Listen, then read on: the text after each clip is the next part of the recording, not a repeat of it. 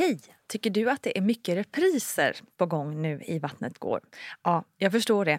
Det beror helt enkelt på att jag, Nina Campioni, just nu har en pop-up second hand i Modgallerian i Stockholm. Så min tid räcker helt enkelt inte tid att göra så många avsnitt som jag hade önskat. Men tills jag är tillbaka på full tid, kom gärna och hälsa på mig i Modgallerian. Vi ses!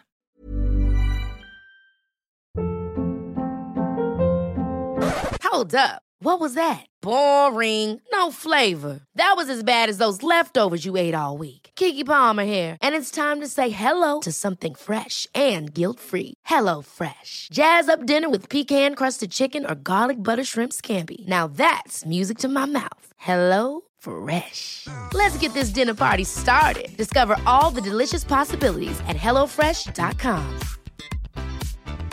A lot can happen in three years, like a chatbot may be your new best friend. But what won't change? Needing health insurance. United Healthcare Tri Term Medical Plans, underwritten by Golden Rule Insurance Company, offer flexible, budget friendly coverage that lasts nearly three years in some states. Learn more at uh1.com. Hey, it's Ryan Reynolds, and I'm here with Keith, co star of my upcoming film, If, only in theaters, May 17th. Do you want to tell people the big news?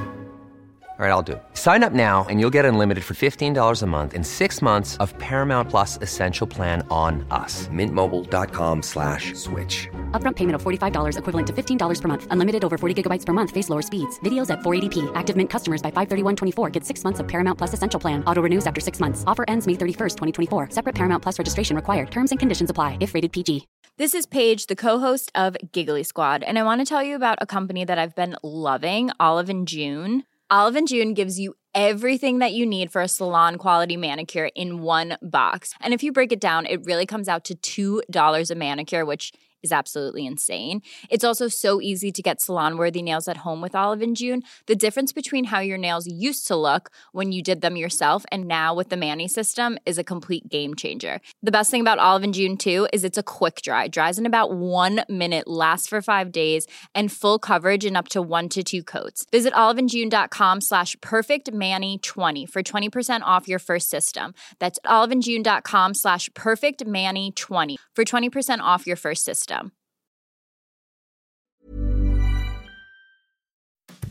Att om du bara idag klarar av att ligga på soffan utan att träna så är det tillräckligt.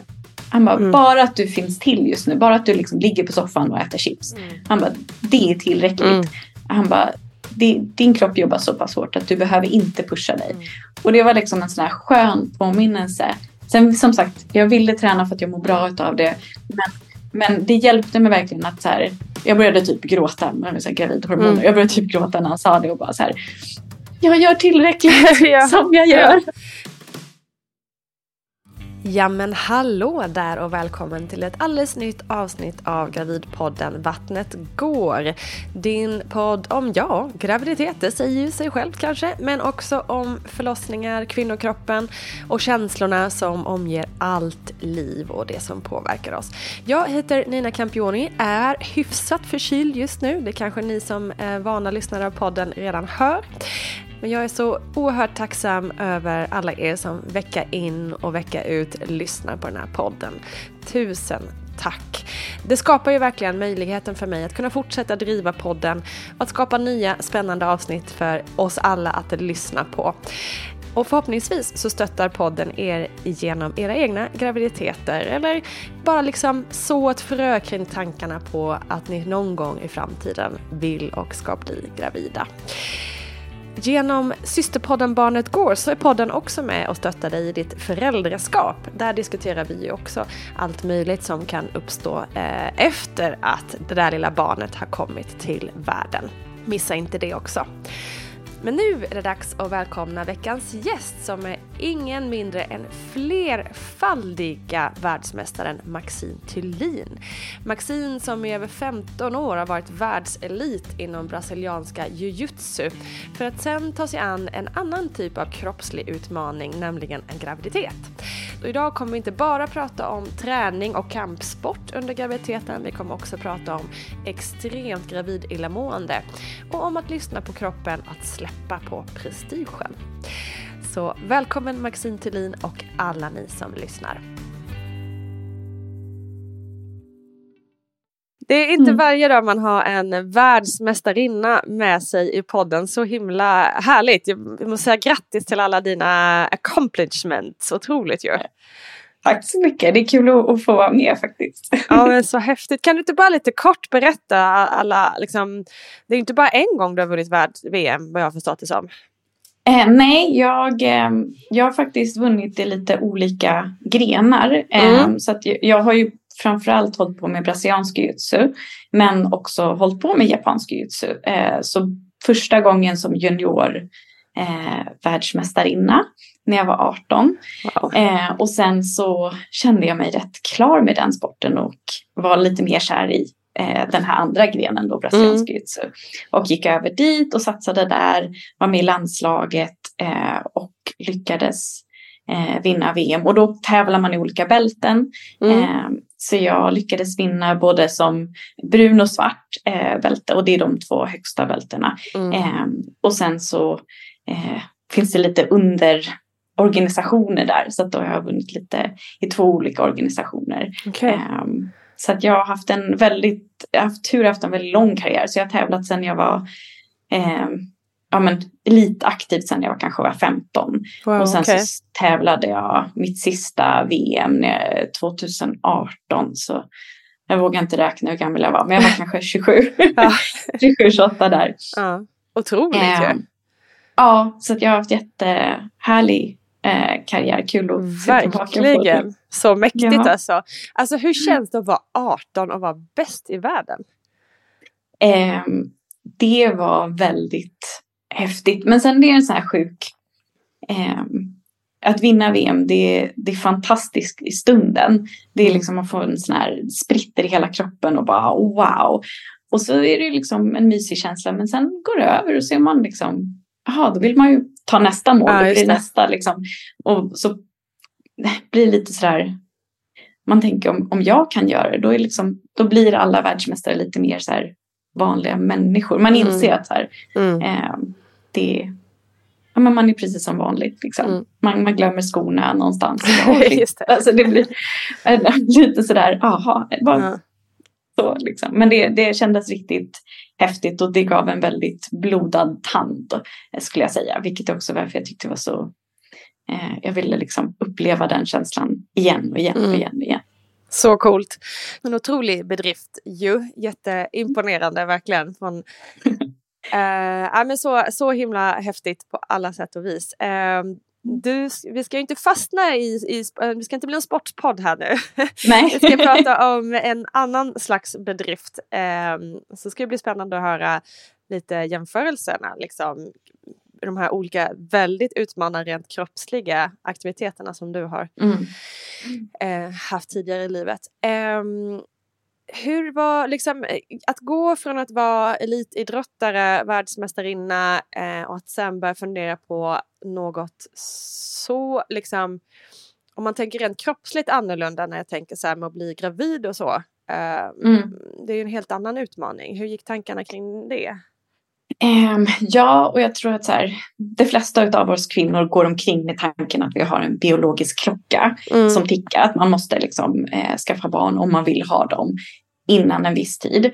Och som elitidrottare som har mål så finns det ännu en klocka. Att så här, Mm. Det är inte bara det att jag behöver skaffa barn inom viss tid men jag måste också hinna med kanske vissa mål innan jag kan.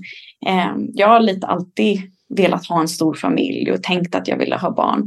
Men sen på samma gång under min elitidrottskarriär så kände jag att jag vill inte ha dem under min karriär. Jag vill ha Nej. dem efter. Mm. Eh, jag, som många andra, det är roligt när man träffar kvinnor från andra länder och när man tävlar och sådär. Men jag har haft många konversationer där jag och andra elitidrottsutövande kvinnor har sagt mer eller mindre samma sak. Att jag vill bli mamma när jag har vunnit VM. Jag Just måste det. bara vinna VM först.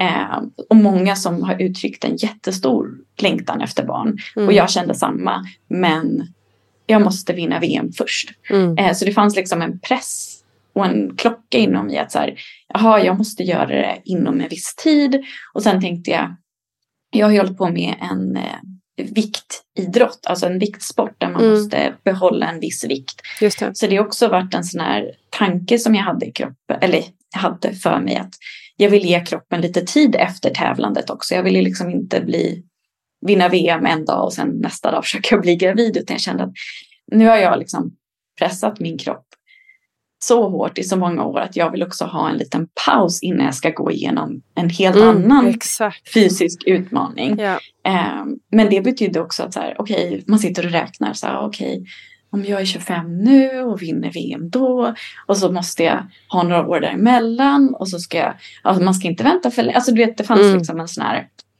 hela tiden en kalkyl Mm. av, man måste klara av det här innan dess. Eh, men sen som tur så, så, eh, så gick det ju vägen och, eh, och sen när det var, eh, när jag hade vunnit VM Dels så fick man ju lite så här mer smak och bara Jag skulle precis en säga gång. det. Då vill man inte göra det en gång till. Ja men precis, Ja. att det var verkligen svårt det där att så här, ta klivet från Mm. ja men nu är jag klar. Och jag vill verkligen en liten så här klausul att man kan absolut bli mamma och sen vinna VM och det har OS och alla möjliga saker. Så det är, jag vill inte på något sätt säga att här, man måste göra sina så, utan det var lite som jag kände för att Mm. jag eh, framförallt inom en viktsport att jag vet inte hur en graviditet kommer påverka Nej. Eh, Jag vet inte om jag kommer gå upp en massa i vikt och då vill jag också kunna känna att det är okej Mm. om jag väger mer efter graviditeten än under. Mm. Så jag vill liksom lägga den pressen och ta den tiden. Sen är det också, man vet aldrig, eftersom jag jag har alltid varit intresserad av förlossning, av graviditet. Jag tycker det var väldigt intressant och jag har lyssnat på till exempel den här podden flera år innan jag liksom Underbart. var i, i planerandet. Och jag tänkte det, man vet aldrig om man är den som kommer få en grad 4 förlossningsskada. Mm. Och för mig så var det en sån stor grej att jag ville inte riskera att det skulle komma i vägen för mina Mm. mål. Det känns ju lite också som att för att vara en elitidrottare så måste man ju vara väldigt liksom planerande. Liksom, Mm. eh, så. Alltså det är inte så lätt att bara gå på känsla. Eh, Alltså, det, går ju, det går ju liksom inte. Så kan vi, Mm. Man kan ju verkligen förstå att, att, att du och många med dig, kollegor, om man säger så, eh, måste Mm. ju planera på ett helt annat sätt. Eh, det är bara så Ja, men- vi är liksom wired på något sätt. Och att eran bransch, eller eran Ja. liksom, drift i livet, den funkar ju på det viset. Liksom. Ja men verkligen och det kan jag säga som också som är med som i min mammaroll nu en anledning till att jag också ville tävla klart. Det var för att när jag var elitidrottande, även om det inte bara under träningen som man tänker jag ska vinna VM utan man vaknar upp på morgonen, Mm. vad ska jag äta till frukost, har jag sovit tillräckligt, Mm. eh, okej hur ska jag planera min dag, jag måste vila och nej jag har en liten känning i halsen. Liksom varenda Just det.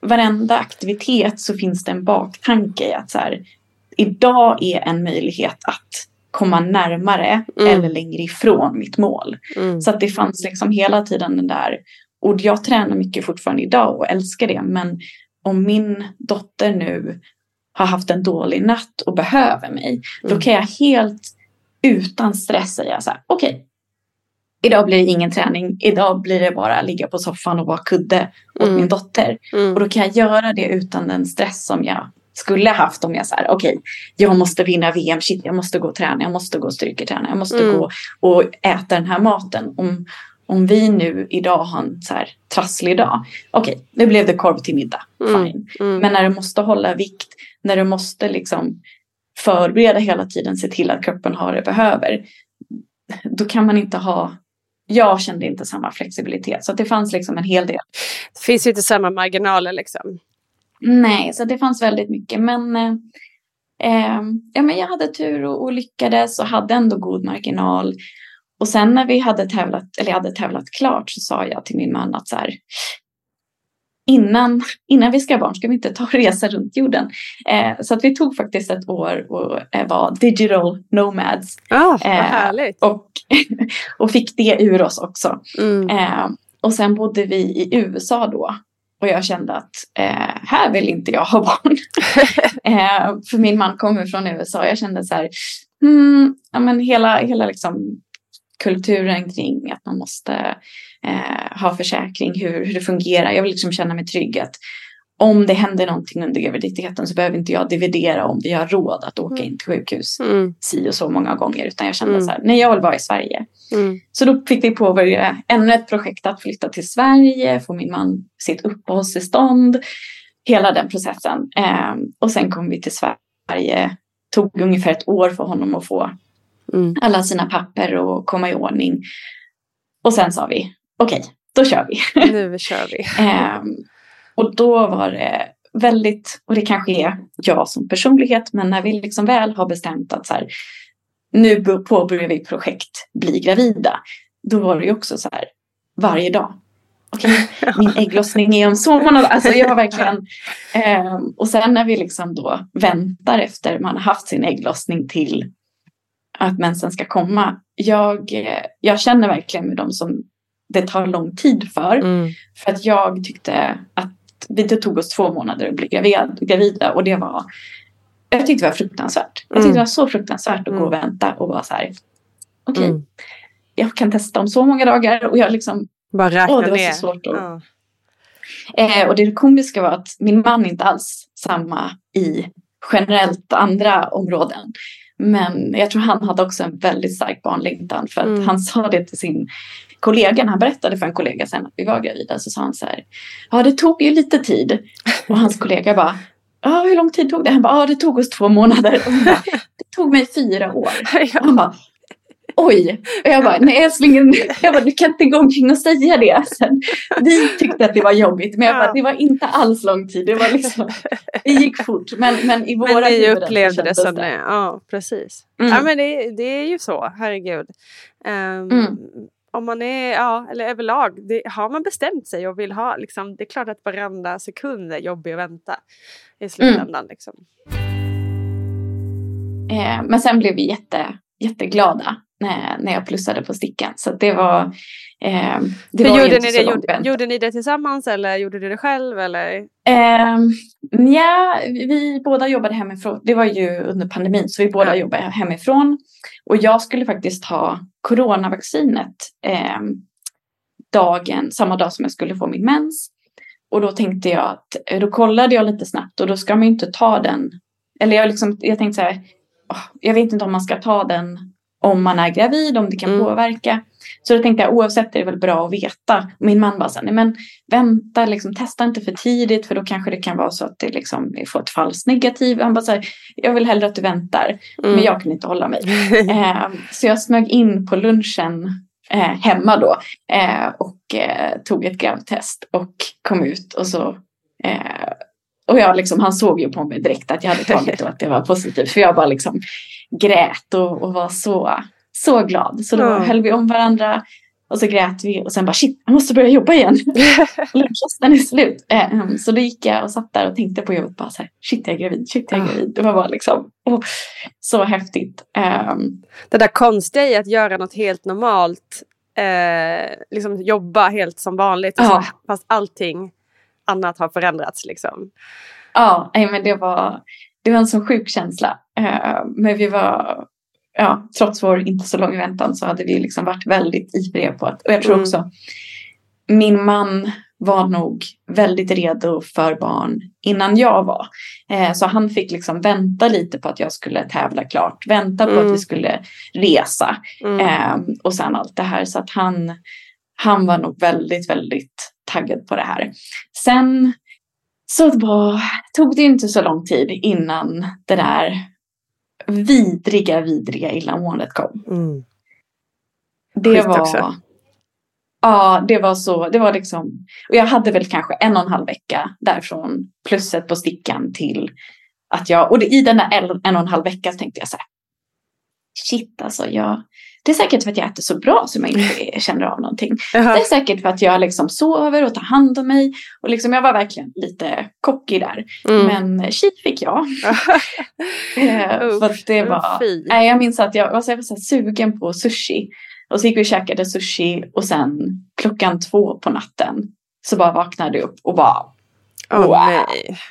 och sen fortsatte jag varje natt klockan två. Men på nätterna också? morgon. Mm. Men fy, det var extra elakt tycker jag.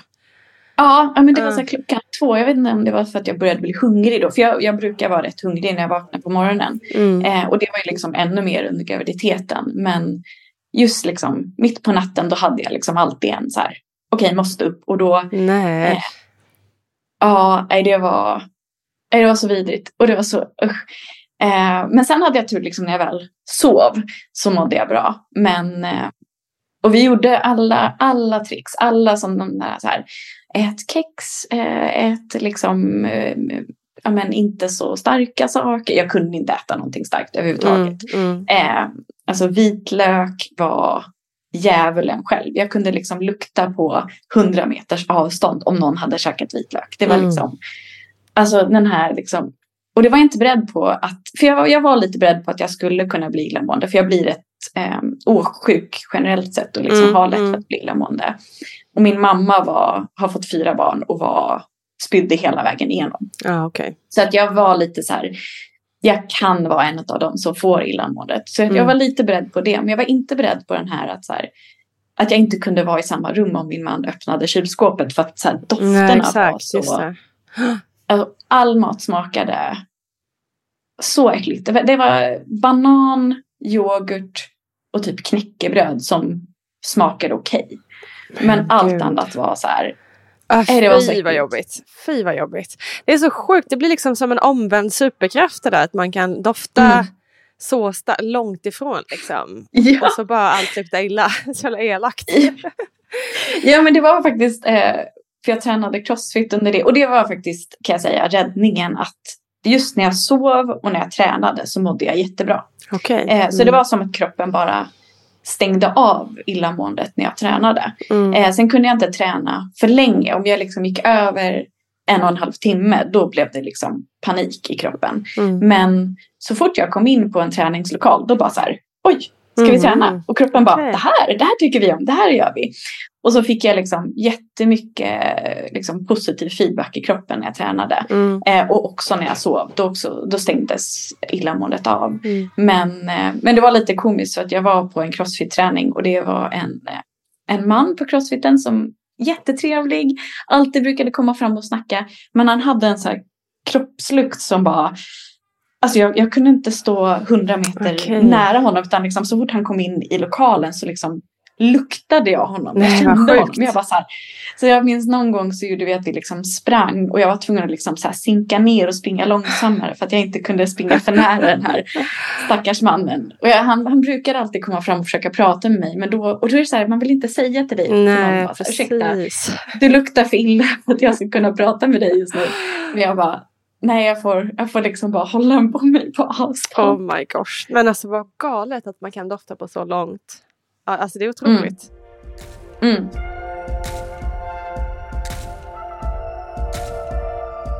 Men eh, alltså hur var det med tanke på just att du är så van vid att liksom kunna, kunna kontrollera liksom ditt mående eller din kropp och sådär Mm. och sen så helt få bara, ja men även det här med maten liksom och sen bara få Mm. helt få tvingas ge upp det i stort sett.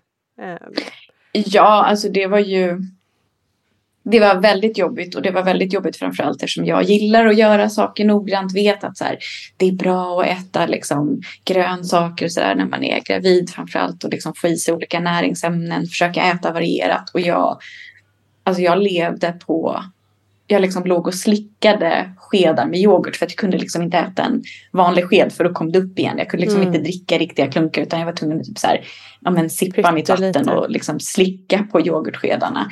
Mm. Ehm, så att jag, men jag kan säga ehm, min svägerska är gynekolog och var också, eh, Mm. hon var gravid väldigt illamående och jag pratade lite med henne om liksom, mina känslor då och hon sa det så här, yoghurt, du får i dig fett, du får i dig vitaminer där också, du får i dig lite protein. Hon bara, det är helt okej.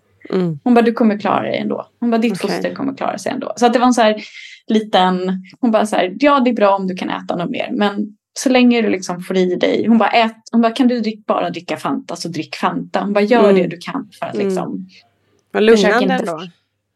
Ja, men det var liksom jätte, och hon kom också på Eh, för då började jag med Lergigan, vilket är det Mm, mm. traditionella när man är illamående. Och det hjälpte men inte helt. Och då, eh, jag var fortfarande väldigt illamående och så träffades vi och jag satt liksom och så här rapade och rapade och hon bara så här, vet du vad, jag tror att du har lite för mycket magsyreproduktion. Hon bara, Mm. det du kan pröva är Omeprazol. Och jag bara, jaha. Och, och det hade liksom inte någon... Nej, vad, vad sa det hette?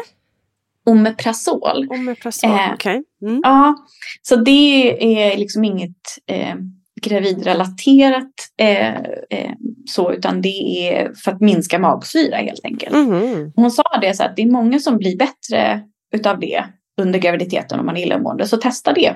Mm. Och det hjälpte jättemycket. Sen var det fortfarande att jag var liksom konstant illamående, men det gjorde ändå att det minskade kanske att spy ja, men nästan varje dag till att jag bara spydde två, tre dagar i veckan. Oh, wow. Ehm, ja, det är ju det en otrolig verkligen- skillnad ju. Ändå, Ja. måste det ju vara. Ja, men det var verkligen en stor, en stor räddning och att framförallt sit, slippa liksom sitta och känna att man har liksom typ uppstötningar hela Ja. tiden. Exakt. Eh, det var ja, men jättehjälpsamt. Så att jag, sen, sen, ja, för att besvara frågan, nej men jag tyckte det var jättesvårt. Jag tyckte framförallt att det var väldigt svårt mentalt. Ja, jag Eh, kan tänka mig. och jag minns att jag, jag sa det till min man liksom någon gång när jag typ bara legat och kräkts och kräkts och kräkts.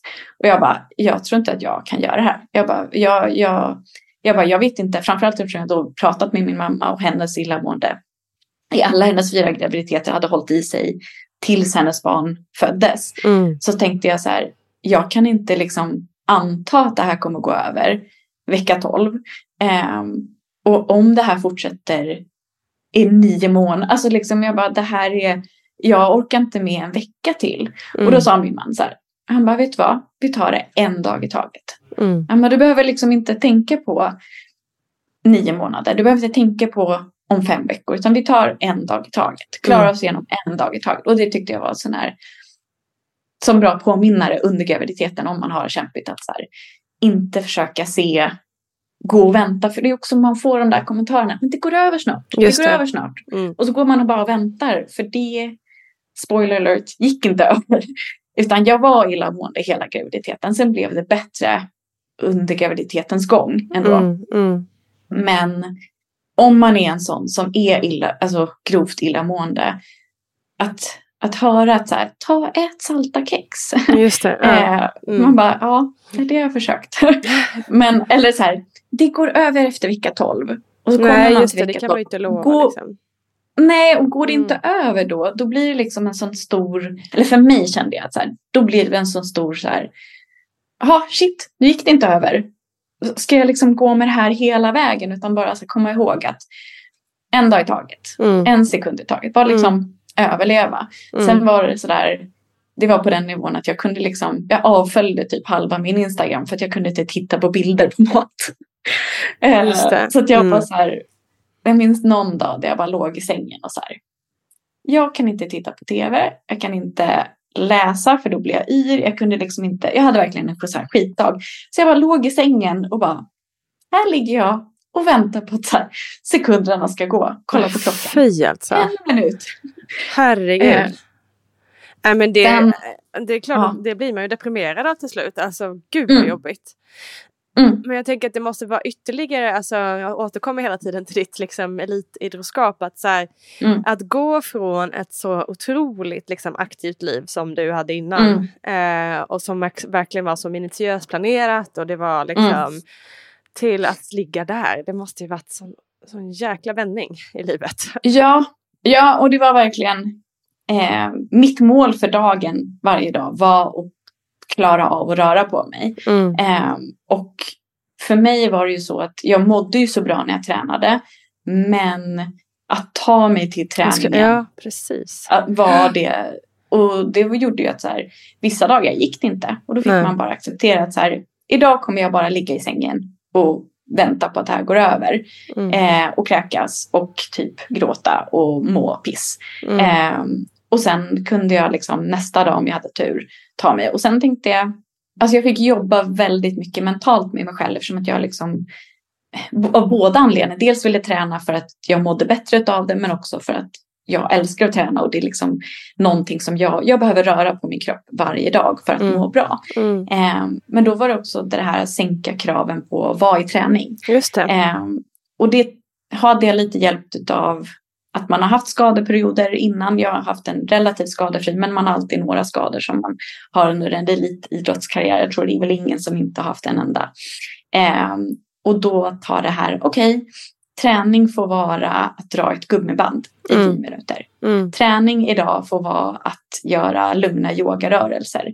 Och det kan jag också säga att när jag, för att jag, jag mådde ju illa hela vägen, men det blev successivt lite, lite, lite bättre. Och det faktum att jag gjorde de här enkla övningarna när jag som mådde som allra sämst, jag mådde som allra sämst de första tolv veckorna. Eh, det gjorde ändå att när jag liksom kunde ta mig mer och mer till träningen senare i graviditeten så fanns ändå lite muskelmassa kvar, så fanns ändå Mm. lite kondition kvar. Så att det gick ändå att träna och liksom behålla helt okej med styrka. För att man liksom sänkte ribban och jobbade med den aktivering som gick att jobba med. Det. Eh, så det var ett riktigt svårt eh, mental liksom, fight var det. Mm. Var, det. det var, men eh, man, man växte utav det kan man väl säga. En otrolig lärdom. ja.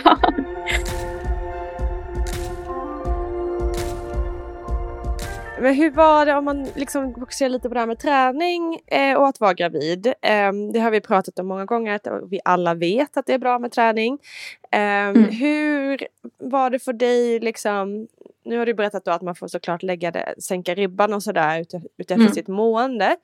Men jag tänker också eftersom du är van vid så otroligt eh, hög träning, träningsbelastning. Hur var det liksom, ju, ju större magen blev och sådär, liksom, att kombinera allt?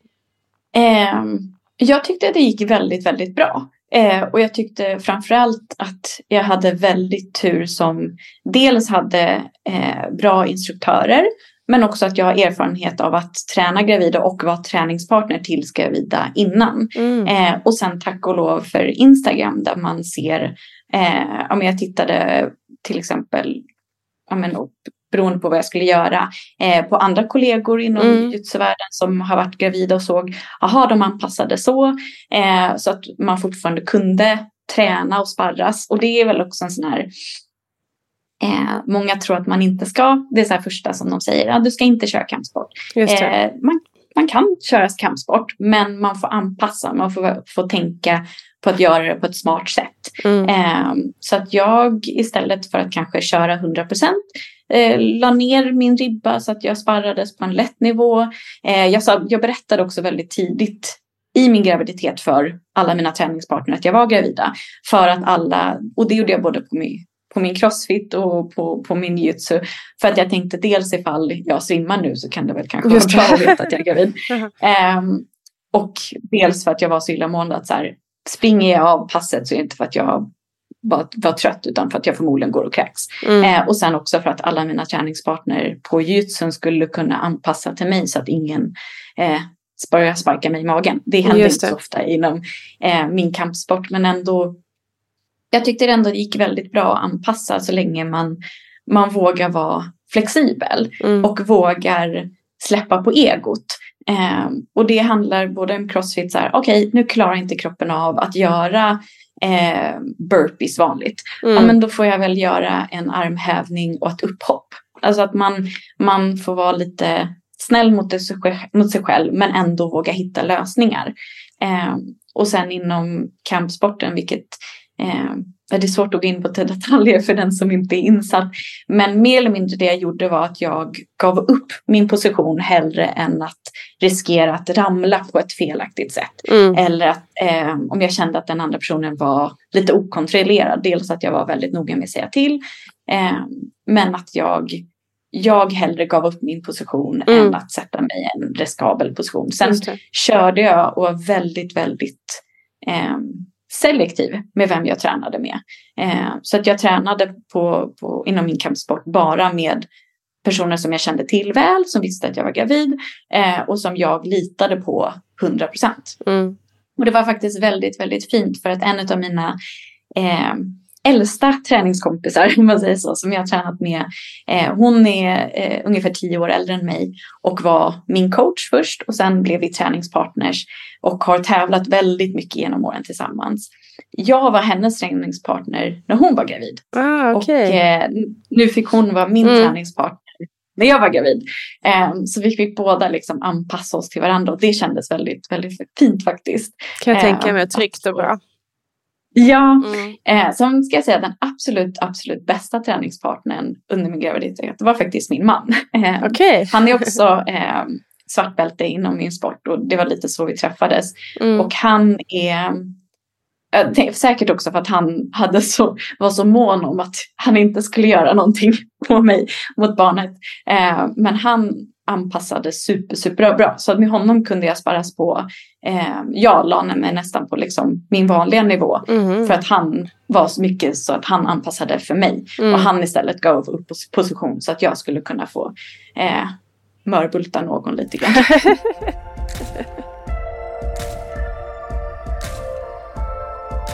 Men jag tycker det var intressant du sa det här med att släppa sitt ego. Mm. För det tycker jag, alltså på min liksom, lagom träningsnivå var ganska jobbigt under första, förloss, eller första mm. graviditeten just utifrån att så här, eh, jag tyckte det var lite jobbigt att liksom någon annan inom citationstecken sa till mig vad jag kunde och inte kunde göra. Liksom. Mm. Att jag var lite så här, mm. nästan lite sur och lite så här, och också, äh, jag kan minsann, ingenting ska förändras mm. här. Det är lite så, man mm. ska visa sig stark och man ska klara allt. Mm. Så här, duktiga flickan.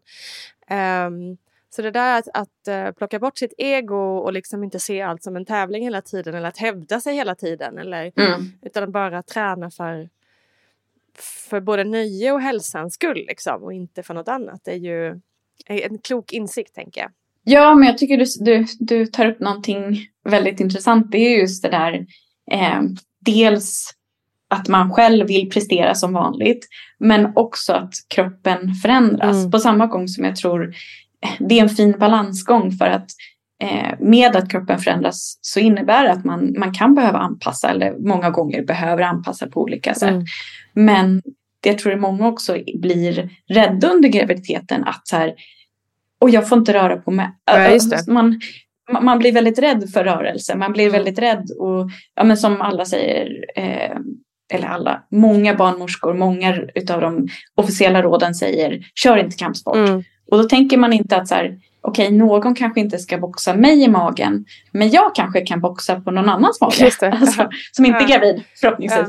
Ja. Um, Nej, men att man tänker liksom, och samma sak oavsett vilken sport eller vad man än gör, att de flesta sporter, de allra flesta har ju anpassningar som man kan göra. Mm. Eh, och att det, det blir lätt allt eller inget. Antingen så kör jag på superhårt utan att anpassa eh, och kan då kanske skada mig själv. Jag tror allra flesta, största risken eh, är ju att man skadar sig själv. Mm. Eh, om, man, om man inte gör något jättetokigt. Mm. Alltså tänk att du liksom eh, gör en crossfit-övning som kroppen inte riktigt hanterar belastningen. Största risken är väl då kanske att man ramlar, att man tappar vikten. Och då är väl oftast att man skadar sig själv. Mm. Nu ska jag säga det här liksom ur en klausul att jag bara ponerar. det, det, eh, men jag tänker, det finns en rädsla Alternativt den här liksom som du säger, ja, men jag ska köra på precis som vanligt. Ingenting har förändrats mm, här. Precis. Och jag tror att man måste hitta den här. Och det är jättesvårt. Jag tyckte också det var jättesvårt. Mm. Jag minns. Men jag fick faktiskt, eh, på tal om kommentarer, jag gick på ett crossfit-pass. Eh, och jag, eh, jag sa det till min crossfit-coach då att så här. Ja, det här är det enda jag orkar med idag. Jag, jag kommer göra det här passet, ta mig igenom det och sen kommer jag bara gå hem och lägga mig på soffan. Mm. Eh, och, och, då sa han det. Han bara, vet du vad Maxine? Han bara, din kropp jobbar så pass hårt just mm. nu att om du bara idag klarar av att ligga på soffan utan att träna så är det tillräckligt. Det. Han bara, mm. bara att du finns till just nu, bara att du liksom ligger på soffan och äter chips. Mm. Han bara, det är tillräckligt. Mm. Han bara, din kropp jobbar så pass hårt att du behöver inte pusha dig. Mm. Och det var liksom en sån här skön påminnelse. Sen som sagt, jag ville träna för att jag mår bra mm. av det. Men, men det hjälpte mig verkligen att så här, jag började typ gråta med så här gravidhormoner. Mm. Jag började typ gråta när han sa det och bara så här. Jag gör tillräckligt ja. som jag gör. Ja. men fint sagt, väldigt insiktsfullt sagt. Mm. Eh, sen kan jag säga om kommentarer att jag fick också, för jag delade med mig väldigt mycket av eh, min träningsresa under graviditeten på Instagram och sådär. Och jag fick en hel del, och det är många som kommer utav välmening, men som blir väldigt fel. Där till exempel jag gjorde boxjumps och hoppade upp på en låda.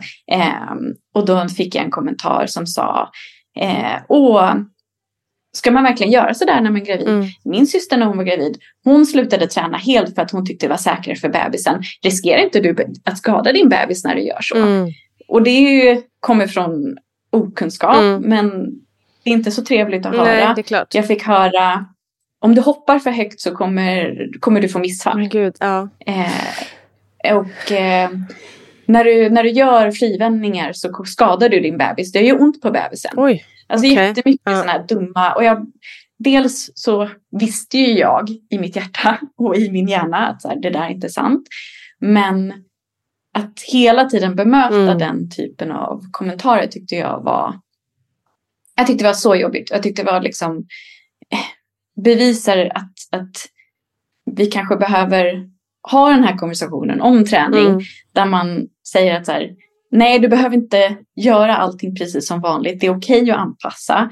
Men det är inte heller farligt att hoppa under graviditeten. Mm. Um, och där tyckte jag också att Instagram var både fantastiskt och jobbigt. Mm. Jobbigt att kunna få sådana kommentarer.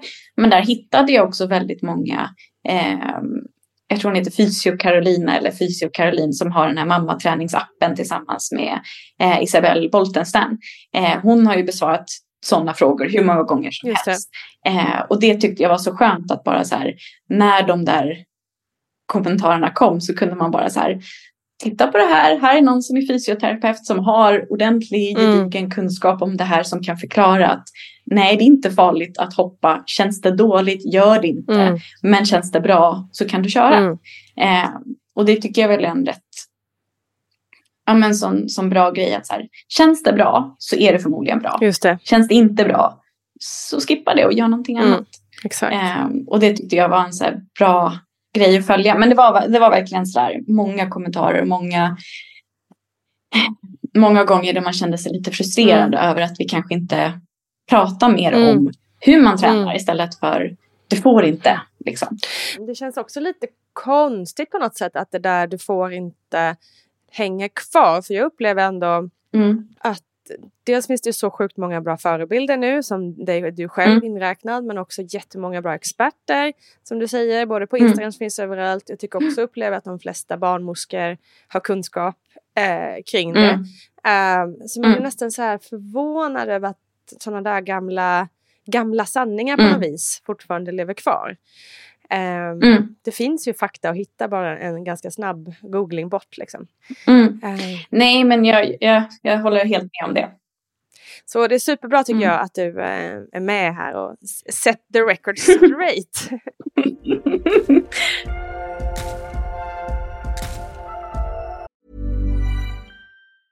A lot can happen in three years, like a chatbot may be your new best friend. But what won't change? Needing health insurance. United Healthcare Tri Term Medical Plans, underwritten by Golden Rule Insurance Company, offer flexible, budget friendly coverage that lasts nearly three years in some states. Learn more at uh1.com.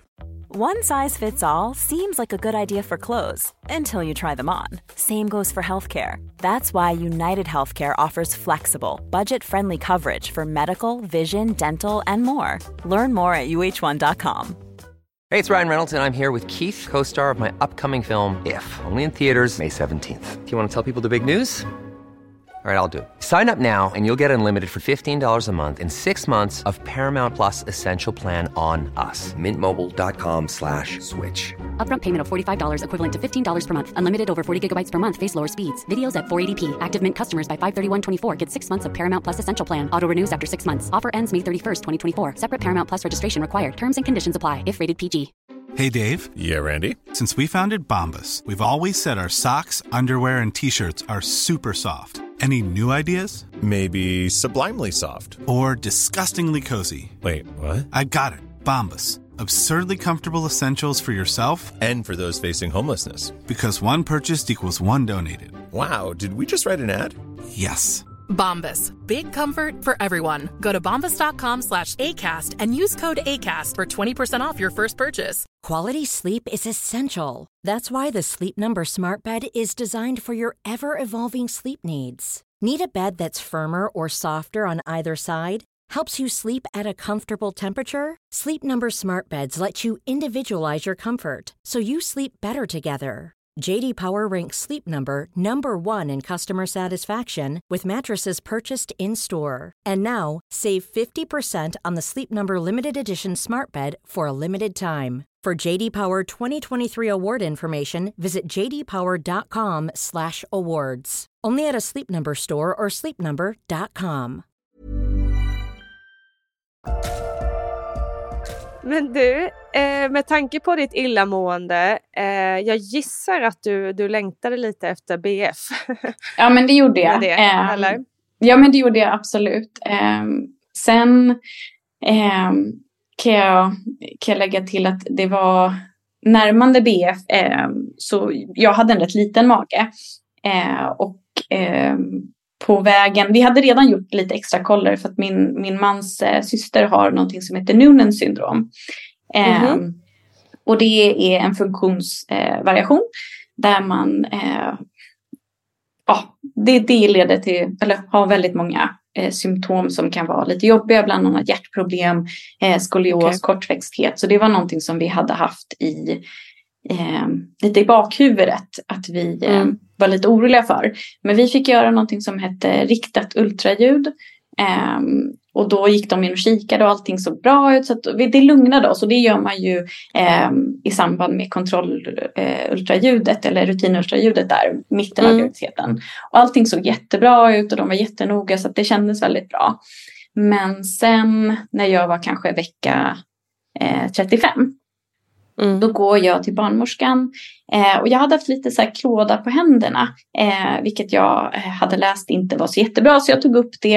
Eh, och eftersom jag eh, vet hur det kan vara så tänkte jag så här, jag ska framhäva mina symptom lite extra. Bara för att verkligen det ska bli uppmärksammat. Men jag hade en jätte, jättebra morska, barnmorska så jag bara nämnde det och hon bara okej, då gör vi ett eh, blodprov och bara kika att allting är bra.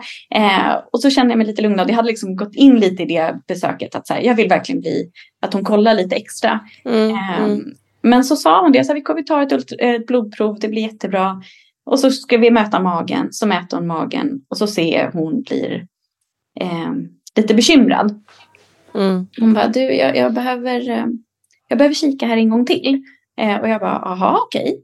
Och så ah, ser jag att hon inte riktigt är nöjd. Så jag börjar bli Mm. orolig och då säger hon att vet du vad, eh, din mage är, eller magmåttet är lite för litet. Eh, hon bara, du behöver inte oroa dig. Man är redan oroad. Mm. Jättelätt. Ja. Eh, hon bara, men jag tycker att vi gör ett eh, tillväxtultraljud bara för att dubbelkolla. Och då, då kom ju de här tankarna igång. Mm, Att, eh, mm, för det vet såklart. jag eh, var någonting som med min mans syster som de upptäckte då att hon hade Noonans syndrom var att hon, hon var väldigt liten i, i tillväxten. Mm. Så att eh, usch, när jag kom hem och bara ställde mig inför dörren och bara grät. Och Mm. bara, eh, det gick inte så jättebra hos barnmorskan idag, Mm. sa jag till min man när jag kom hem. Eh, och eh, ja, men eftersom vi hade det här, och jag, han hade varit rätt lugn inf, eh, under hela graviditeten. Han, han var liksom, jag hade haft rätt mycket oro inför det här. Eh, att, och det är, jag kan säga att min mans syster mår bra, hon lever ett bra liv. Men hon har väl genomgått så sjukt många operationer i sitt liv. Eh, Mm. För hjärtat, okej. för ryggen, i ansiktet. Eh, och jag bara kände att det är klart man, man vill undvika det om man kan. Ja, herregud. Självklart. Men så kom jag hem och ja, det var eh, jättejobbigt. Jag såg på min man att han tyckte det var jobbigt. Men han bara Mm. för min skull då var så här, det kommer bli jättebra. Jag tar ledigt från jobbet imorgon för vi, vi fick ultraljud eh, redan nästa dag då. Eh, så då eh, gick vi dit. Och så kom jag in och det här är, eh, för ja, men man har hört under, eh, under sin, sin lyssnande av den här podden till exempel att man kan få jättebra bemötande i vården och man kan få lite mindre bra bemötande i vården. Eh, så jag var liksom lite orolig för det. Men vi kom in på rutinultraljud, eller på det här tillväxtultraljudet och jag hade en så bra barnmorska eh, Mm, som gjorde det. Och, och hon sa redan från början när jag kom in i rummet så säger hon så här. Det här är ju ett tillväxt ultraljud. Hon bara, jag har tittat på dina tidiga och allting såg jättebra ut där. Hon bara, vet du vad? Vi ska kika på allting eh, och se att allting är som det ska. Men du är inte en jättestor kvinna och du är inte så lång och stor. Hon bara, det är inte konstigt att din mage är liten. Hon bara, Mm. du kanske har en liten mindre bebis, men det blir säkert jättebra. Vi kikar och kollar, Mm. men hon bara, jag tror att det här kommer gå jättebra. Och jag bara, okej, lugnade redan där och sen kikade hon och så var ju allting så jättebra ut. Men Mm. det såg ut som att vi hade en, en liten bebis. Mm. Ehm, och eftersom att man inte kan göra, eller vad jag vet inte, ehm, om, om man inte har någon liksom stor indikation så gör man ju inte ehm, något fostervattenprov eller sådär eh, innan utan ehm, man får lite se när man föder hur det går. Mm, Eh, mm. Så fanns det ändå, det lugnade Det jättemycket. fanns kvar lite liksom. Mm, jag hade verkligen en, en, en oro där att så här, Mm. ehm, ja, men tänk om, om det inte... Mm. Och då hade jag också fått en hel, på tal om kommentarer, jag hade fått en hel del kommentarer. Och man kan tänka så här, ja, men det är bara positivt när någon kommenterar hur liten du är. Men Mhm. det, det var inte så jätteskönt. Framförallt när man Nej. då liksom gick oroade Alltså. Ja. Verkligen, såklart inte. Och det är ju liksom, nej men överhuvudtaget att få de där, då, det sätter ju sig i huvudet vad den är liksom. Ehm, Mm. Naturligtvis. Ehm, Mm. Jag tänker också med tanke på att du inte kunnat äta så mycket Mm. under hela graviditeten, är inte heller så konstigt liksom.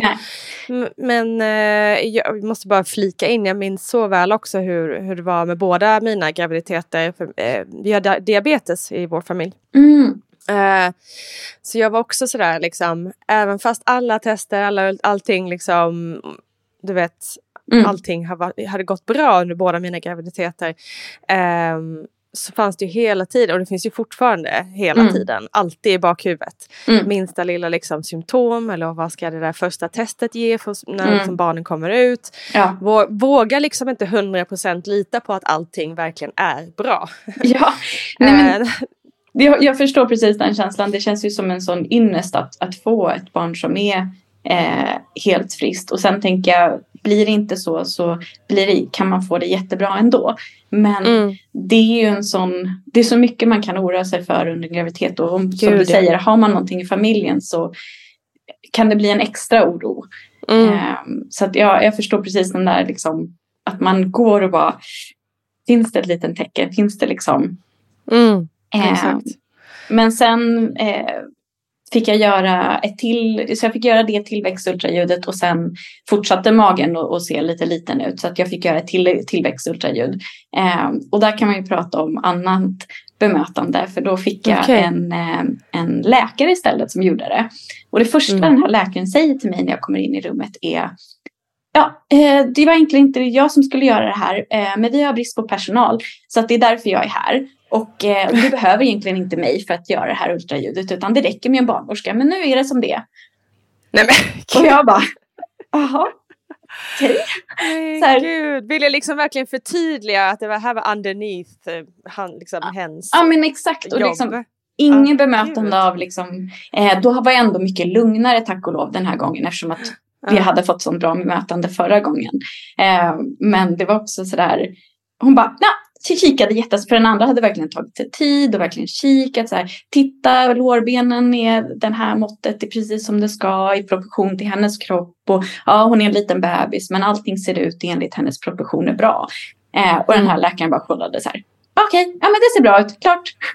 och jag bara, Gud. okej. Ja.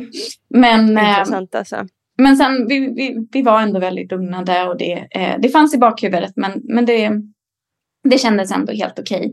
Och eh, ja, eh, för att besvara din första fråga där, jag längtade verkligen efter BF. eh, Ja, hur står det?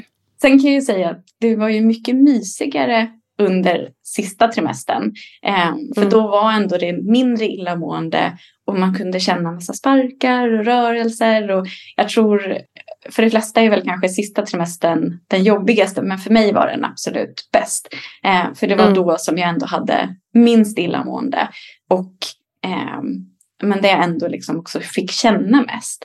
Så att, Mm. ehm, men jag var, ja, jag var ändå rätt rätt klar och rätt sugen på att så här, få tillbaka en, en icke-gravid kropp. Ja, kan jag verkligen förstå.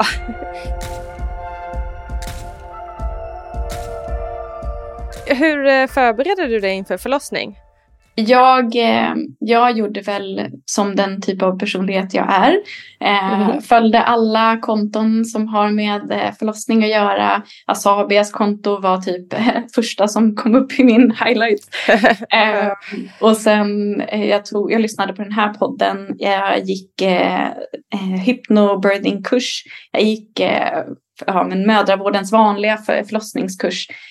så att jag, jag gjorde typ allt som som gick att göra. Allt som gick. ja, jag var verkligen eh, jag var verkligen redo på så sätt. Och det är komiskt för att jag kan säga att min man är ju precis motsatta typen. Eh, mm. Han är ju den som så här, det löser sig i stunden, jag behöver inte veta saker innan. Eh, men så jag fick verkligen liksom slänga mig in i all, så mycket information som möjligt. Och han, eh, ja, han var den som, som var så här, det löser sig, vi tar det som det kommer. Mm. Okay. Um, Lite enklare för, för männen att säga om man säger så. Ja, äh, behöver inte prestera lika mycket Nej, på samma sätt. Exakt. exakt. Äh, men jag hade väl en, en äh, lite idrottsmänniska i mig som kände att så här, det här blir en spännande fysisk utmaning. Ja, jag skulle precis säga det. Jag tänkte att du kanske tog dig an det här precis som, som om du skulle gå en, en viktig match eller något. Ja, och det var, det var liksom... Tävling. Ja, men och det var väldigt intressant för som sagt jag har hållit på med en eh, viktsport eh, och eh, under vissa gånger behövt eh, klippa vikt och det här är ju ingenting man kan göra för att klippa vikt ehm, klippa vikt, är det alltså gå ner i vikt eller? Precis, mm. precis. Eh, så att inför en tävling om man låg lite högt i vikt så kunde man ju sätta sig i en bastu för att svetta ut vätska ah, för att ah, väga mindre. Mm. Ehm, mm. Och eller mitt eh, preferred choice var ju att ligga i badet. Um, mm. Och det var det jag gjorde inför förlossning också. Jag låg i badet, jag lyssnade på uh, den här hypnobirthing-kursen, jag gjorde andningsövningar och jag ville då helst ha en, en eh, vattenfödsel.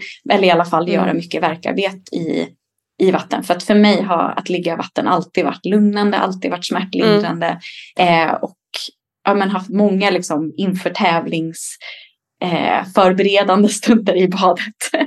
eh, så det var väl liksom, jag, jag gjorde den platsen lite till så här hemmaplats inför förlossning.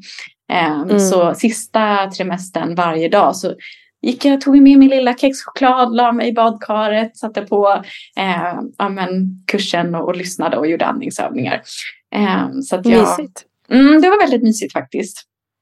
Eh, men sen, ja, jag var i det började närma sig. Eh, jag, det var lite komiskt för jag hade, jag hade BF den 15 mars. Mm. Och eh, BF kom och gick. som den gör för så många förstagångsföderskor. Eh, och jag eh, sa då dagen efter BF, säga till min man så här.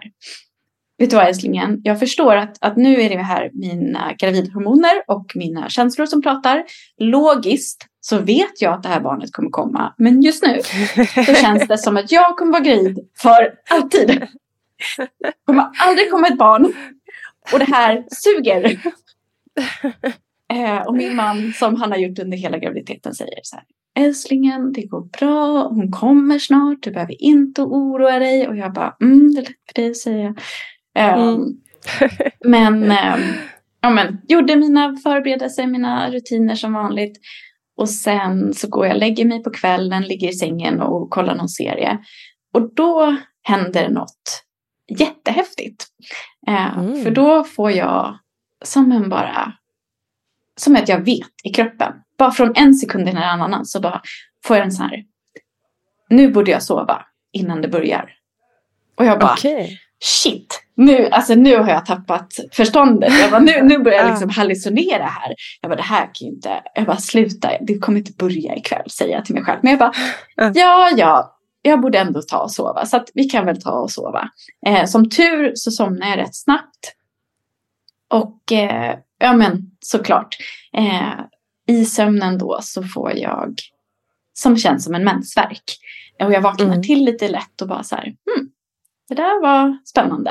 Och så, så här, lite blött i trosan.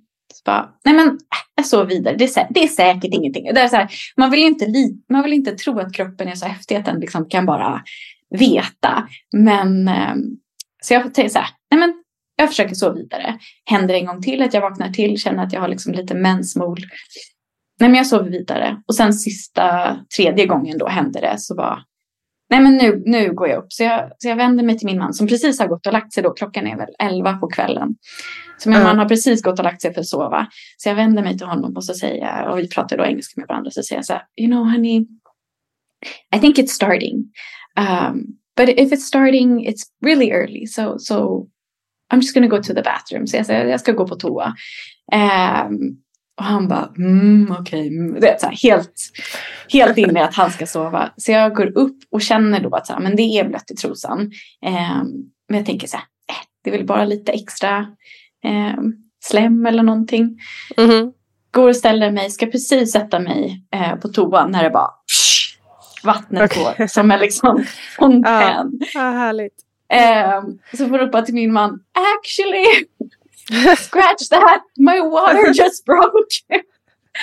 Ehm, så då, då blir min man så här, och jag tror att det är väl också väldigt annorlunda att, att göra och, och liksom vara med om det här från sidlinjen. För att jag var, när det hände, jag var så lugn. Liksom direkt när jag kände att jag hade de där molande verkarna och att och jag liksom visste i mig själv att så här, det här är det. Jag var taggad, jag var energisk, men jag var också lugn. Jag kände mig liksom, Mm. det här är, yes, nu kör vi. Ehm, Mm.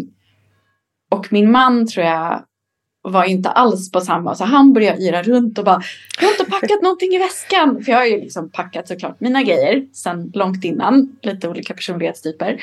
Eh, och han bara, behöver jag kläder med mig? Jag bara, ja, jag har skrivit, och då hade jag faktiskt skrivit ett eh, förlossningsbrev till min man.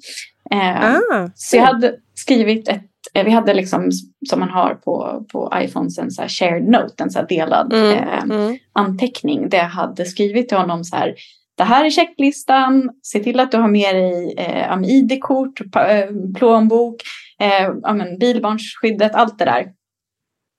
Och så packa dina grejer och, liksom, och så hade jag skrivit så här. Jag är taggad, det här är vad jag behöver. ehm, det här är vad jag inte vill ha. Liksom så. Ehm, Mm. och, eh, så då hade han den. Så det var tur för han sprang omkring som en Grymt. höna utan huvud. så hade han ändå den som, eh, som en liten fusklapp. Och så, jag kände ju direkt, även om, då var det lite så här, det är svårt för att jag hade, jag hade verkar men jag hade inte så svåra verkar. Och då är det så här, ska jag hoppa i badet nu? Ska jag hoppa Just i badet det. sen? Mm. Men Mm. jag sa, nej men jag vill, jag vill verkligen vara i badet. Eh, så att jag, jag hoppade i direkt. Och kände direkt att så här, det här är en sån trygg plats. Det här är precis det jag ska vara. Och när jag kom in i badet, det var som att kroppen bara, okej, då kör vi. Så då satte verkarna igång och de blev starkare Okej. och starkare. Vi ringde till min mamma som skulle komma och hämta upp hunden. Eh, som var jättetaggad och var lite så här, säker på att jag inte ska följa med dig in. Exakt. Och jag bara, nej mamma, det går bra, vi klarar oss. Ehm, och så ringde jag in till förlossningen och eftersom jag har lyssnat på den här podden och hört många andra historier så visste jag att så här, många gånger så säger de åt en att så här, håll dig hemma. Men, eh, men så ringer jag och berättar att vattnet gått och då säger hon faktiskt, ja men vad bra, då kommer du in nu. Och jag bara, va? Okej. Jag var liksom mentalt inställd på att jag skulle Ja. vara i badkaret hemma. Ehm, men då sa hon det eftersom att ehm, din bebis inte var, ehm, vad heter det, när de är fixerad. Eh, hon var inte Mm. fixerad när du hade koll två dagar sedan eh, och vattnet har gått. Så vill vi kolla att allting är som det ska och att hon är fixerad. Så du kan komma in nu. Mm. Eh, så därför ropa jag till min man, för jag hade också sagt till honom så här, jag tror vi är hemma i natt och åker på morgonen. Actually! jag bara, vi, vi ska faktiskt åka in nu. Ehm, så då får han ännu mer lite panik, springa omkring och fixa saker. Ehm, och sen är det dags att åka in och jag bara känner så här, fast, fast jag vill inte åka in, jag vill ligga kvar här. Eh, och då fick Mm. min man, det var liksom en liten sån här, jag vill bara, jag vill inte röra mig, jag ligger så bra där jag är. Eh, Mm. Han bara, nej men nu, nu hjälper jag dig upp här och nu, nu, nu, nu kör vi, nu åker vi. Eh, och jag bara okej, och då hade jag också förberett för jag visste att så här, ta verkar i bil kan vara lite oskönt. Eftersom att jag ville Mm. ha värme. så hade jag förberett en, eh, att, lagt fram värmekudde så han hade den i mikron eh, och värmde på den så den var svinvarm. så den skulle hålla hela vägen. Eh, och så gick vi ut. Bra tips. Var, ja men det var faktiskt riktigt, riktigt bra eh, att ha ett verktyg i bilen. Eh, Mm. För jag tänker annars om man liksom, ja men på hu- sjukhuset finns det någonting, hemma finns det någonting. Men annars På vägen dit det, kan det vara jobbigt ja. Ja, eh, men sen hade jag ju faktiskt den klassiska att på vägen till sjukhuset så stannar det av rätt mycket. Mm. Sen var det rätt mysigt med den där värmekudden ändå. Ehm, men, ehm, men det stannar av en hel del. det kommer in till förlossningen.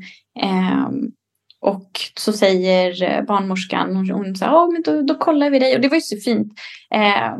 Det här var ju, jag hade också varit en hel, rätt orolig för att få plats. Som man, Mm. många kvinnor har här i Stockholm Mm. eh, Mm. och andra delar i vårt land. Framförallt då, för det var ju i mars eh, men 2022, så det var precis när massa barnmorskor hade sagt upp sig. Och det hade liksom det. stått i media i flera veckor. Eh, så jag hade liksom gått och liksom mentalt ställt in mig på att säga, jag kanske inte kommer få plats. Eh, men så kom vi in dit och då hade de förberett ett rum och bara här är ett rum. Så jag hade verkligen den här en positiv, en överrasknings Mm. positiv Skönt. upplevelse. Eh, som bara, vi har förberett ett rum för dig här. Ska vi kika på hur pass öppen du är och mäta dina verkar. Och då sa hon att jag var 2,5 centimeter öppen. Eh, och att vattnet definitivt hade gått. Men att, eh, att jag inte hade så jättestarka verkar. Eh, och då sa hon det så här, men du kan ju välja om du vill åka hem nu och liksom vänta. Eller om eh, du vill stanna här så kan vi göra en ny bedömning om några timmar. Eh, Mm. och då kände jag bara så här, jag vill vara kvar här.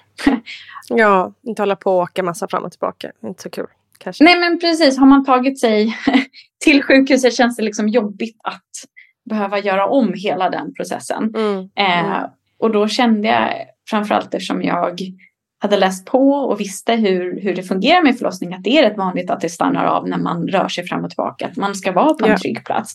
Då sa Ja. jag det, och det här är väl lite sån här eh, otippad för mig, att, att eh, jag hade trott att jag skulle vara mest stolt över mig själv, över att eh, liksom göra hela födseln, men en av de stoltaste stunderna var då faktiskt. För då säger jag till henne att så här, vet du vad, om jag bara låter min kropp få boa in mig här i det här rummet, då vet jag att mina verkar kommer komma igång. Eh, så ge mig bara en chans att liksom få låta min kropp jobba. Mm. Och eh, Så bra. ja, men jag kände sån otrolig tillit till att så här, det här, jag behöver bara få liksom boa in mig här, låta kroppen göra det den ska göra.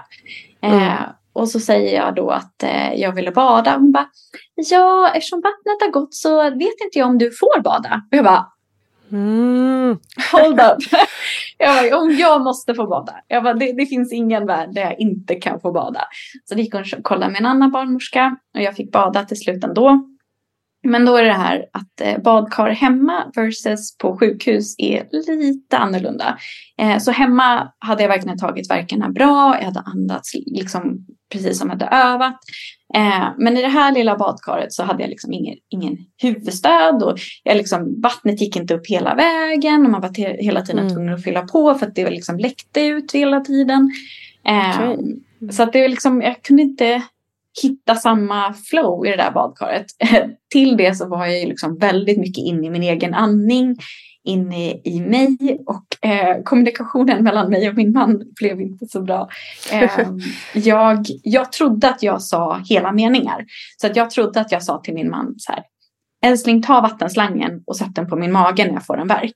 Men Mm. det enda ordet som jag tydligen sa var vatten. Så när jag säger när jag då vill att han ska ta en duschslang på min mage så kommer, går han och hämtar vatten mitt i en, Ja. alltså när, precis när verken Ja. börjar. Och jag blir så irriterad. Jag bara, varför hämtar du vatten? Alltså liksom, jag blir jätte... Och sen nästa gång så säger jag liksom vatten. Och då vill jag tydligen ha vatten. Men då trodde jag att jag Mm. sa liksom, nu vill jag ha vatten och dricka. Ehm, så att min man, han kände av en hel del. Han sa ingenting. Utan han bara liksom ändrade uppgifter hela tiden. Och jag förstod inte varför han inte förstod mig.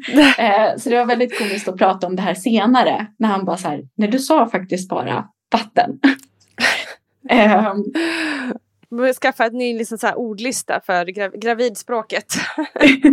ja, men det, det är sådär eh, sjukt hur man kan gå in i sig själv. Mm, hur man mm. under förlossning... Ja, men visst är det det. Att, att det mm. Kände du också det att du var i liksom, nästan lite som en annan värld? Eh, nej, tyvärr så, alltså första förlossningen så var jag ganska borta. Det gick väldigt mm. fort och väldigt eh, så här. Så där var man, ja, på ett sätt, så allting var en dimma liksom mm. av smärta.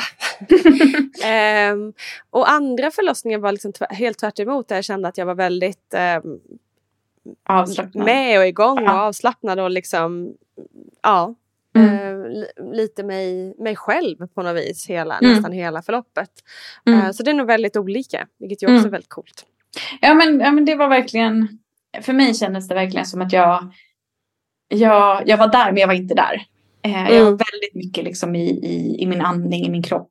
Men jag kände på samma gång, eh, för vi kom in kanske till sjukhuset klockan två och då, eh, då hade ju barnmorskan där sagt att så här, vi får göra en ny bedömning om några timmar. Jag kämpar på i badkaret och jag känner att så här, successivt så blir det svårare och svårare att ta verkarna. Från att jag liksom hemma i badkaret hade liksom fått mer intensivt arbete men hela tiden kunnat andas igenom. Så började jag liksom behöva fly nästan eh, mm. under verkarbetet. Och eh, ja, timmarna går och jag börjar bli mer och mer ja, svårare och svårare att ta verkarna. Eh, och till slut så är väl klockan, klockan sju på morgonen när, när barnmorskan kommer in och säger ja men vi gör en till koll. Och då tänker jag så här shit nu, nu har jag haft riktigt intensiva verkar. Nu måste jag ha öppnat mig jättemycket. Hoppar upp på sängen, hon kollar och jag är tre centimeter öppen. Mm. Och hon bara jättebra, ni kan stanna. Och jag bara känner fy fan. Mm. Jag, bara, jag har kämpat och kämpat i flera timmar nu och liksom en halv centimeter. Och jag vet att man ska inte haka upp sig på centimetrarna men det är svårt att inte göra det. Ja, mm. men det är lite det man har och, och, och då kände jag bara och än en gång tack och lov att man har för mig som person har, har liksom tagit in olika berättelser och, och, och historier. Jag, jag minns när jag pratade med min svägerska. Hennes förlossning tog nästan 70 timmar. Mm. Och hon, det hon sa till mig efteråt, så här, om det var någonting hon hade kunnat gjort annorlunda var att ta epiduralen tidigare. Och då tänkte mm. jag så här, det här tar mycket längre tid verkar det som än vad jag hade tänkt. Eh, och jag hade för, liksom, haft en förhoppning att göra det utan epidural och bara vara i badkaret. Eh, för om man tar epiduralen får man inte vara i badkaret.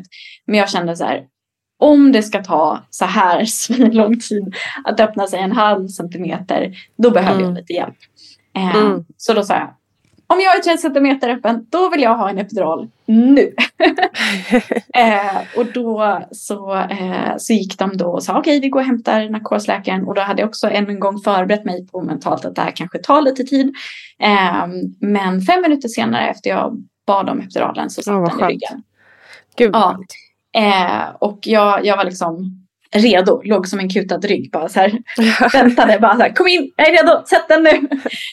eh, och då satte han epiduralen och den på två, tre verkar så gick det från liksom superintensiv smärta till att jag bara säger till min man, var det där ens en verk? Har jag en verk nu? Mm. Och han bara, ja, kolla på monitorn. Älsklingen, du verk. Han var ju avslappnad. Otroligt. Han, att han gick liksom från att jag helt, ja, hade väldigt mycket misskommunikation till att jag helt plötsligt var liksom avslappnad. Eh, och vi båda kunde liksom sova en liten stund och, och ja, men, hämta lite energi. Mm. Och, eh, de kom in och bara efter en, ja, men, två timmar och bara så här, vill ni äta någonting? Och jag bara, Ja, lite pannkakor är bra. eh, så vi käkar och liksom får, det blir en helt annan energi. Liksom. Mm. Eh, man går ju... Det var skönt. Ja, men det var jätteskönt. Det var verkligen behövligt tror jag. Eh, sen kommer man ju ur den där lilla intensiva dimman. Eh, så att man blir ju absolut lite mer, eller jag blev mer vaken liksom. Eh, men sen så går det bra. De kikar mig två timmar senare efter jag fått epiduralen. Eh, och då var jag fem centimeter öppen. Så jag tror också att den där epiduralen, trots att jag liksom initialt inte ville ha den, eh, den hjälpte mig ändå att slappna av. Eh, och än Mm. en gång en lärdom att man ibland behöver ta bort egot.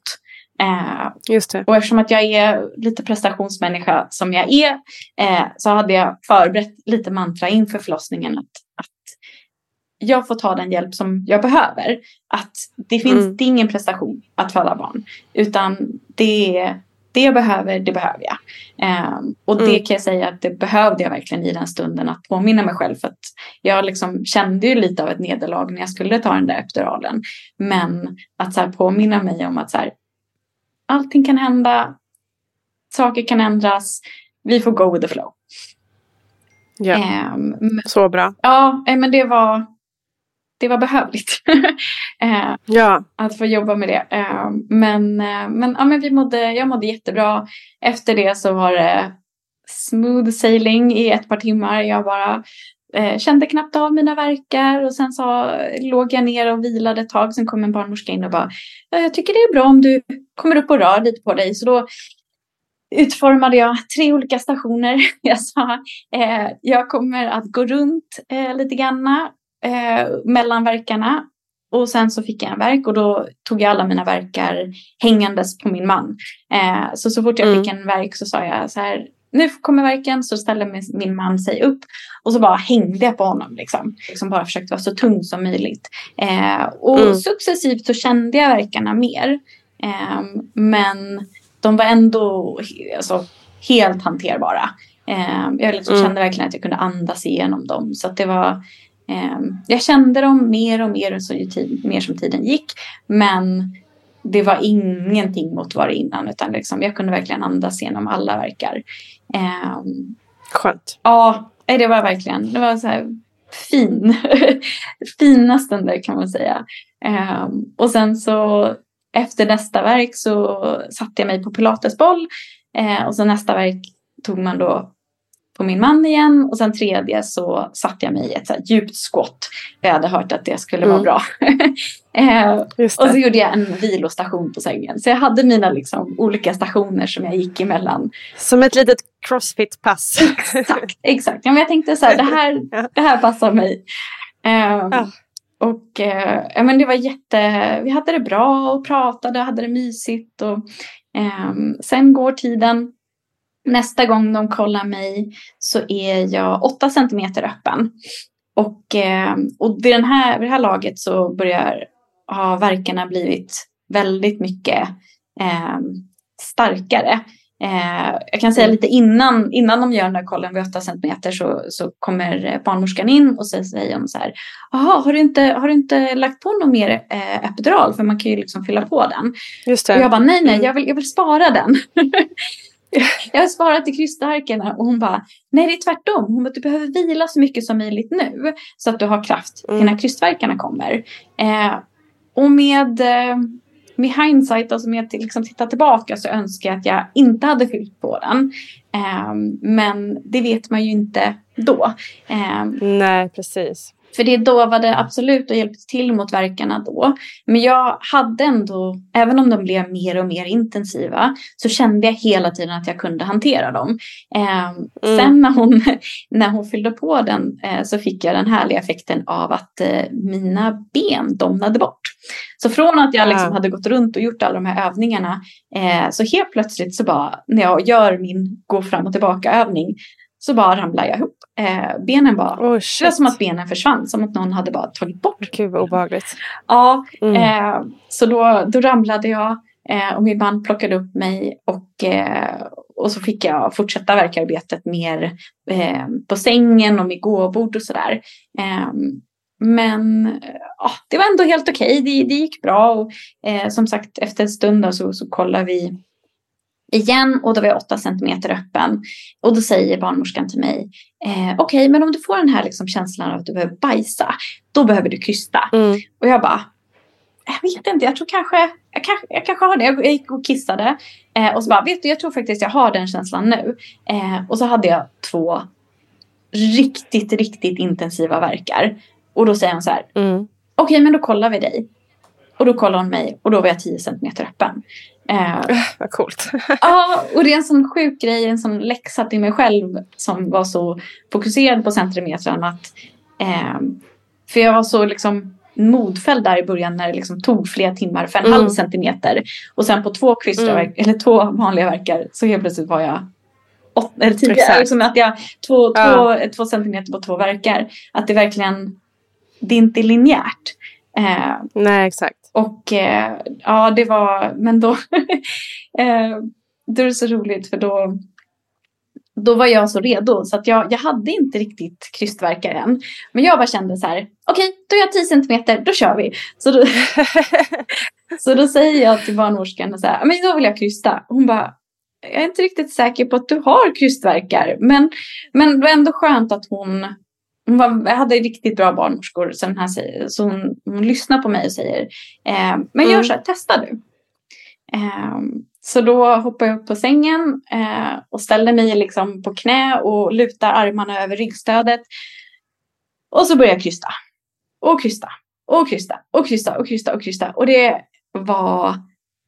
Jag hade trott att krysta skulle vara som på ett träningspass. Där är någonting riktigt tufft och man bara pushar igenom. Jag trodde att det skulle vara liksom den... Eh, för jag gillar ju den. Att ta i och liksom Mm. få... Mm. Men att krysta var något av det vidrigaste jag har gjort i hela mitt liv. Eh, Mm. och jag Mm. tror en del av det var för att jag hade svårt att känna krystverkarna. Eh, men jag var på samma gång så inställd på att jag ville bli klar. på att jag ville få ut det här Mm. barnet. Så att jag krystade och krystade och krystade utan paus mer eller mindre. Eh, av Oh, egen kraft och av bara så här. Nu vill jag krysta och få det gjort. Eh, sen under kryst, äh, att jag liksom står och krystar så kommer lite krystverkar igång. Men jag hade fortfarande väldigt svårt att känna dem. Eh, Mm. Och jag hade också svårt att tajma in det här. Jag började liksom krysta för tidigt. Och sen när krystverken kom så hade jag liksom redan jag själv krystat klart. Just det. Eh, Mm. Fattar. Så det, Helt osynk liksom. exakt, väldigt osynk. Mm. Eh, Men ja, jag håller på och krystar och det tar så lång tid och min man bara tar handen på pannan och det är bara liksom svett i floder. Jag tror jag aldrig har svettat så i hela mitt liv. Eh, och min man liksom kommer, ska du ha vatten? Och jag bara, nej, låt mig vara, jag vill bara krysta liksom. Bara låt mig krysta klart. Eh, och jag håller på och krystar, krystar. Och de kollar hjärtljuden och ehm, då börjar de säga så här, vet du, nu, nu börjar hennes hjärtljud gå ner så du behöver ändra position. Eh, och på grund av att jag inte kunde känna mina ben så var jag kan inte byta position. Jag vet inte, hur ska jag liksom, Nej. jag vet inte hur jag gör. Så då fick de ehm, flippa mig, de hjälper, hjälper mig att lägga mig på sidan. Ehm, och jag, jag börjar liksom känna att så här, jag börjar tappa modet. Ehm, Mm. Eh, Jag vet inte hur länge jag hade kryssat då, men det kändes som att jag hade kryssat i tusen år. Eh, Mm. Och jag började liksom, min man bara så här, nej men nu, det såg ut som att du började ge upp nästan. Eh, och då säger barnmorskan, Maxine vill du känna på hennes huvud? Och jag bara, ja. Och då känner jag på hennes huvud och då var det som att jag bara, jag fick så mycket energi. Jag fick så mycket sån boost av att jag hade liksom inte förstått att det hade hänt någonting. Jag trodde att jag hade stått Mm. och krystat och krystat och krystat och att ingenting hade hänt. Ehm, men hon var ju nästan där. Hon, hon låg där. Ehm, Så att det, det var, eh, ja, jag kan säga för alla om man är gravid och lyssnar på det här att känna på huvudet under förlossning om man kan och får möjligheten till det. För mig var det, det var den bästa boosten i hela världen. Mm. Eh, och det var ju Mm. fantastiskt att känna liksom, bara hon har hår. Hon har massa hår. Det var liksom, nej, det var så fantastiskt och så fint. Och då bara så här, shit, nu kör vi. Eh, men då krystade jag, krystade. Jag kan säga min man, eh, min man stöttade upp mitt ben. Så att eh, när de liksom la mig på sidan där så hade det kommit en, en barnmorska som, som försökte liksom hålla i mitt ben. Och det är också så här intressant Mm. hur man är där men inte där. För då hade jag tydligen sagt, berättar min man efteråt, att så här, nej du håller inte mitt ben. Eh, jag vill att min man håller mitt ben. Och, och jag hade liksom jag jag minns att jag hade den tanken, så här, hur ska hon kunna hålla mitt ben? Jag måste ju trycka emot, hon är jätteliten, hon kommer inte kunna hålla emot mitt ben. Eh, så jag bara, jag behöver någon som är stark, så jag hade bett min man. Så höll han i mitt ben och liksom armkrokade det, höll min hand och sen hade han andra handen på mitt, eh, på mitt huvud och det kändes, det var också en sån här extra trygghet som jag tyckte var Mm. väldigt bra. Eh, men så ligger jag där och krystar och jag kämpar på och jag vet att det är nära. Men så börjar hennes hjärtljud gå ner igen då. Och eh, jag märkte inte av det i stunden. Jag var verkligen liksom så fokuserad bara på att krysta. Eh, men jag märker att de börjar prata. Helt plötsligt börjar komma in fler mm, liksom, personer i rummet. Och sen helt plötsligt eh, så säger... Eh, och det, ah, det kan jag känna liksom nu i efterhand att jag kan bli så ledsen över att, att, jag, att jag inte märkte det. Att jag inte märkte att hennes hjärtljud gick ner och att liksom det, det inte såg så bra ut där. Ehm, jag var så fokuserad på min uppgift att jag liksom eh, jag kunde inte ta in det då. Ehm, och då säger barnmorskan att ehm, nu Maxine så måste hon komma ut. Så att jag kommer göra ett klipp här på dig. Och då säger jag, för det var liksom av listan av alla saker som jag inte vill, då var klipp liksom ett av högst upp på listan som jag inte ville ha skulle hända. Så då säger jag, Mm, nej mm. du klipper inte mig. Eh, jag vill krysta och då säger han, okej Maxine. Du får två krystverkar på dig. Eh, och då vill jag att du krystar bara när du har krystverkar. Eh, så att Mm. liksom vila, ta några djupa andetag och sen får du krysta hela verken igen. Eh, och då krystade jag, jag liksom tog ett andetag och krystade för ja, glatta livet om man säger så. Mm. Eh, och jag krystade så hårt jag bara kunde på två krystverkar och då helt plötsligt säger hon nu, nu är hon här men jag håller emot hennes huvud för att du inte ska brista. Och jag bara nej, släpp ut henne! Ehm, och då eh, så tar hon bort handen och hela huvudet, hela kroppen kommer på den, den krystverken. Eh, då lägger de henne på, på mitt bröst. Och det är en av de mest fantastiska känslorna jag har känt i hela mitt liv.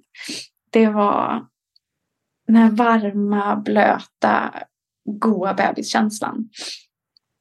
Och det, det var precis som att eh, helt olikt från att vinna VM, men på samma gång exakt samma. Att det är en känsla som är så intensiv, men som bara är där några sekunder.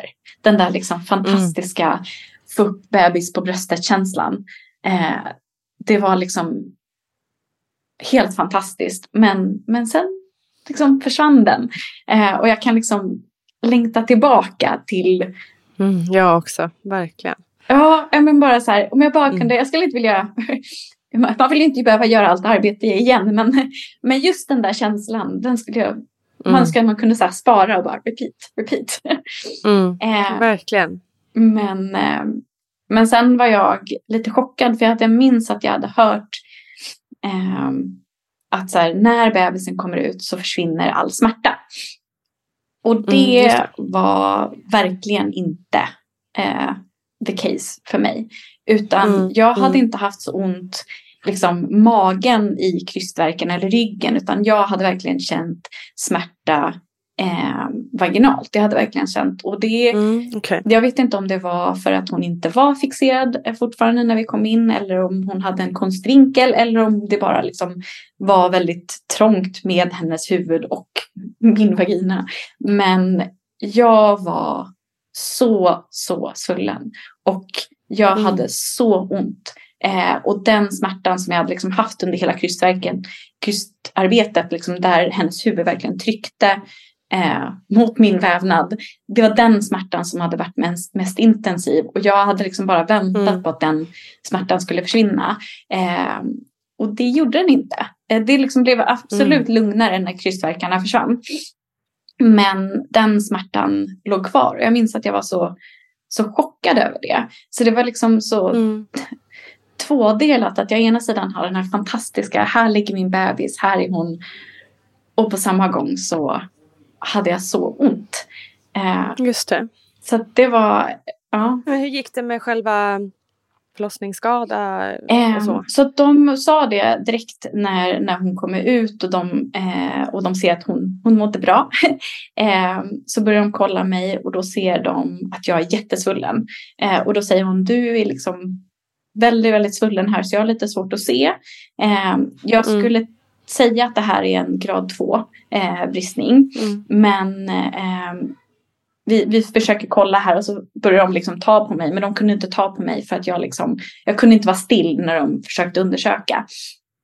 Och då sa hon det, eh, det här ser ut som en grad 2 men du är så pass svullen och du, du kan liksom inte ligga still när vi undersöker dig så vi kommer behöva sy det här på operation.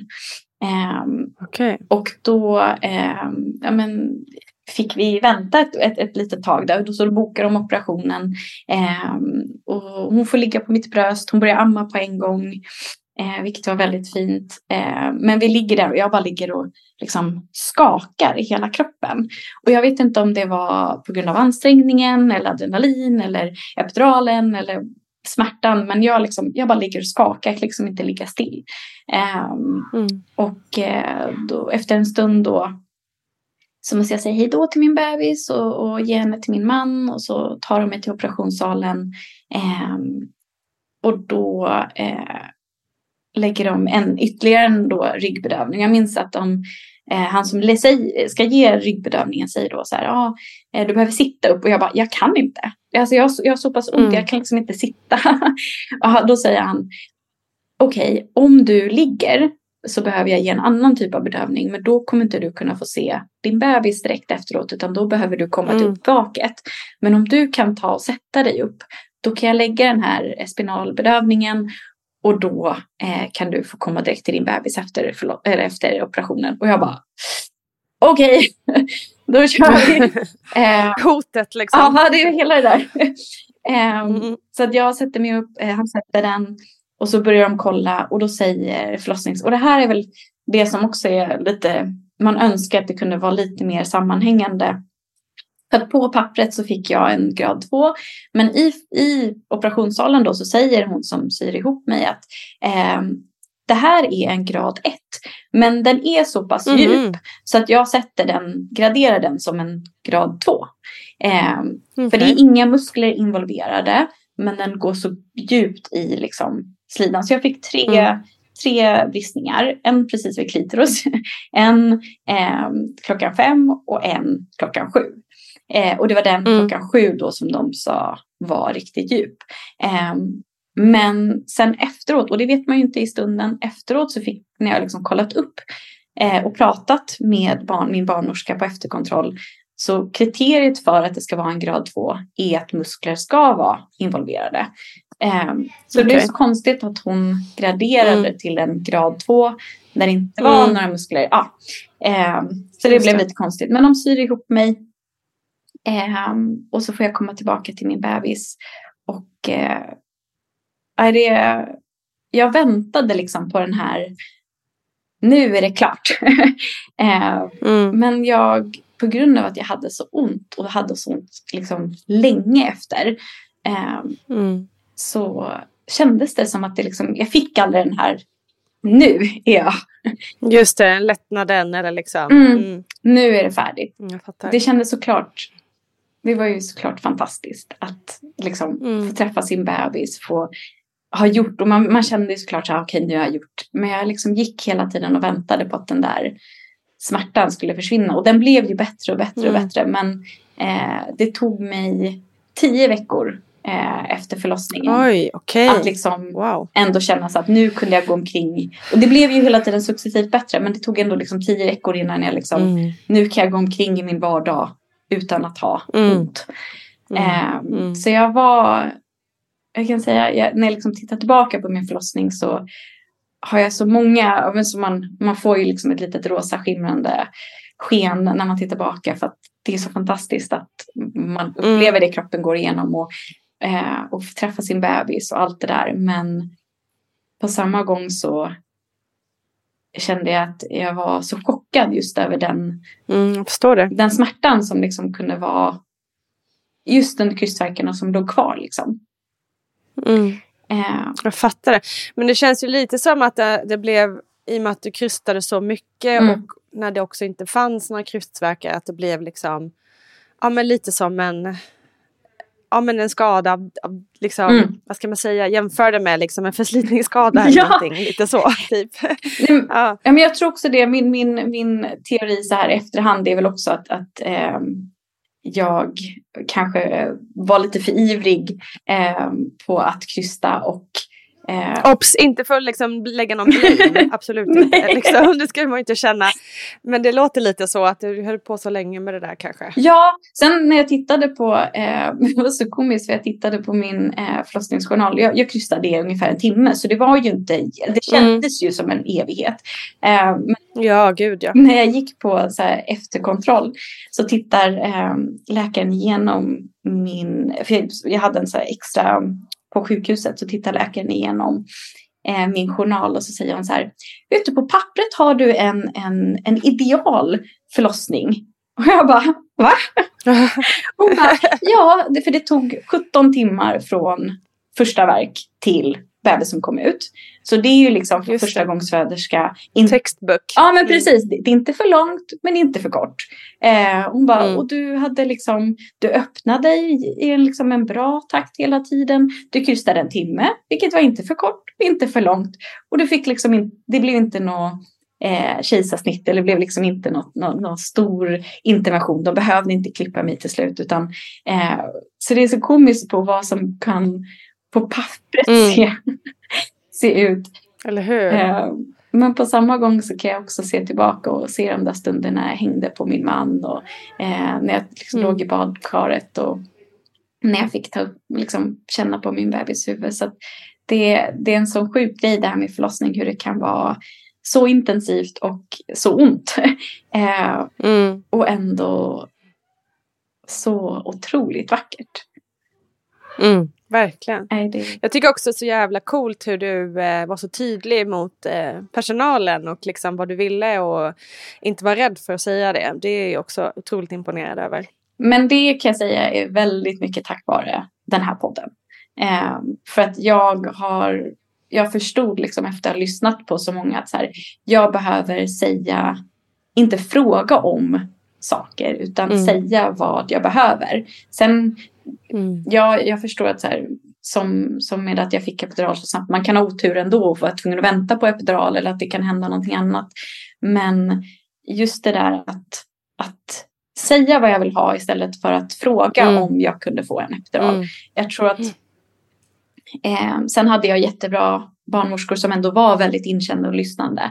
Eh, men det, det är ett samspel det där tänker jag. Som, Absolut. som när hon sa att så här, nu lägger jag ett klipp.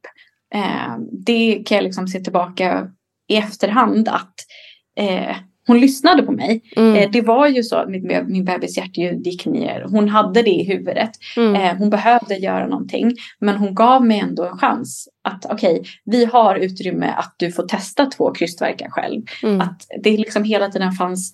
Eh, och på samma gång som jag då inte bara liksom, aha hon vet säkert bäst, då, då gör Just vi det. Utan att jag vågade liksom säga. Sen kanske det hade, hade blivit så pass ak- akut att hon var tvungen att göra ett klipp ändå. Men jag tänker att jag gav mig själv chansen Mm. Eh, genom att säga. Eh, och det kan jag också känna så här efterhand. Eh, att hon släppte handen när jag bad henne att Mm. ta bort den. När, när hon säger nu håller jag emot för att inte det ska brista. Eh, jag kände verkligen att så här, nej, nu ska hon ut. Mm. Och det liksom kändes i hela min kropp. Mm. Och hon lyssnade på det. Eh, och det, det kan jag verkligen känna tillbaka, titta tillbaka och känna att det var så fint under förlossningen. Att vi hade ett sånt bra samspel i att eh, kunna ge och ta. Eh, och att bli lyssnad på. Verkligen. Men ändå tryggheten av att hon hela tiden höll koll. Att så här, okej, nu är det lite bråttom. Men det finns utrymme för det Mm. här. Mm. Underbart.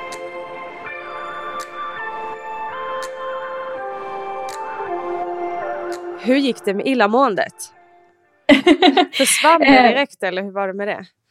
Ja, eh, jag skulle säga att det försvann redan alltså, under förlossningen. Mm. Ehm, så, så fort förlossningen startade. Och jag, liksom, jag hade haft illamående liksom, som en konstant. Sen hade det ju blivit bättre under slutet. Så det var redan liksom bättre under sista trimestern. Men det var alltid som en så konstant en liten figur i bakgrunden. Mm. Eh, men så fort förlossningen startade då var det, eh, men det, var, det var helt borta.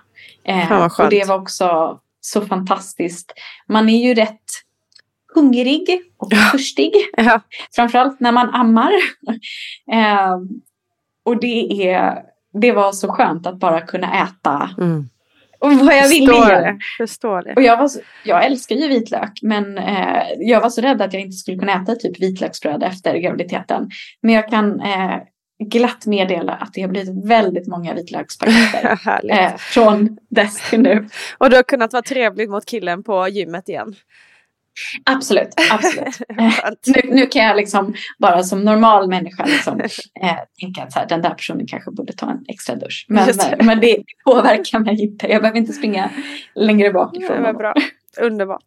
Du, innan vi avslutar, är det något mer eh, som du har tänkt på att du vill liksom, skicka med lyssnarna eh, kring vad du har lärt dig? Ja, ehm, jag tänker, vi har pratat väldigt mycket om, om eh, träning och så. Eh, och jag tänker, det är väl egentligen till någon som kanske är gravid just nu, att, att hitta för sig själv vad den här kommunikationen med sin kropp. Vad behöver jag just nu? Behöver jag träna? Behöver jag, eh, behöver jag vila? Att man släpper kanske lite mer den här vad jag borde göra, den här, precis som vi pratat om, kanske duktiga flickan eller rädslan för att jag inte borde göra Mm. si och så Mm. och lyssna på vad kroppen säger. Eh, för det som jag själv lärde mig eh, under min graviditet är att kroppen verkligen är tydlig med vad den behöver om man, om man lyssnar på den. Mm. Eh, om man ger den chansen så säger den när någonting känns bra eh, och någonting som inte känns bra. Eh, och jag tror också det är liksom samma under förlossningen.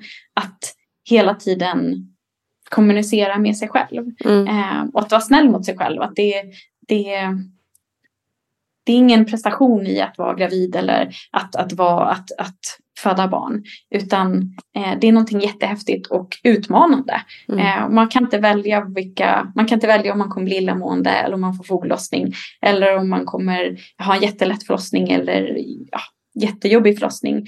Man, man får liksom bara eh, ta det man får. Mm. Eh, vilket gör att jag tror att man måste det, det snällaste man kan göra är att lyssna på vad kroppen säger. Eh, och att eh, släppa sitt, sina egna, sin egen prestation tror jag. Mm. Det, är- det är vad som hjälpt mig i alla fall. Superbra sammanfattat tycker jag. Det får Ja. vi ta med oss. kan man ta med sig i övriga delar i livet också kanske tänker jag. ja. ja, absolut. Du, eh, stort tack Maxine. Eh, ska bli spännande Ja. att följa dig framåt, se vad du tar dig an. Ska du tillbaka in i, Ja. i eh, tävlingsringen säger man kanske inte i jujutsu men tävlings... Tävlingsmattan. tävlingsmattan. Tack. Eh, ja, jag vet inte. Jag kanske tävlar någon, någon gång igen. Men då blir det på, på eh, hobbyglad nivå. Eh, jag känner mig definitivt klar med, eh, med elitidrottandet. Okej. Eh, det, det räcker med 15 år av att hålla koll på vikt och, och träna. Men, eh, men någon dag kanske. Det låter sunt tycker jag. ja. Tusen tack för att du ville vara med och berätta din historia. ja, men tack så jättemycket. Tusen tack Maxine Thulin. Du hittar henne såklart på Instagram och där kan du lära dig mer om hennes otroliga prestationer och om hennes träning såklart.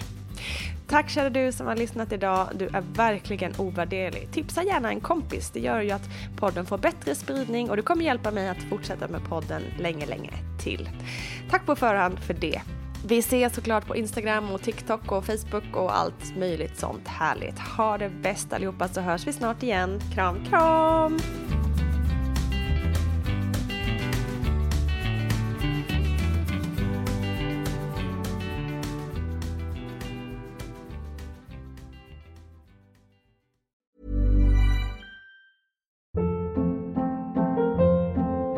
Hold up. What was that? Boring. No flavor. That was as bad as those leftovers you ate all week. Kiki Palmer here, and it's time to say hello to something fresh and guilt-free. Hello Fresh. Jazz up dinner with pecan-crusted chicken or garlic butter shrimp scampi. Now that's music to my mouth. Hello Fresh. Let's get this dinner party started. Discover all the delicious possibilities at hellofresh.com. Imagine the softest sheets you've ever felt. Now imagine them getting even softer over time. That's what you'll feel with Bowl and Branch's organic cotton sheets. In a recent customer survey, 96% replied that Bowl and Branch sheets get softer with every wash. Start getting your best night's sleep in these sheets that get softer and softer for years to come. Try their sheets with a 30-night guarantee. Plus, get 15% off your first order at bowlandbranch.com. Code BUTTERY. Exclusions apply. See site for details.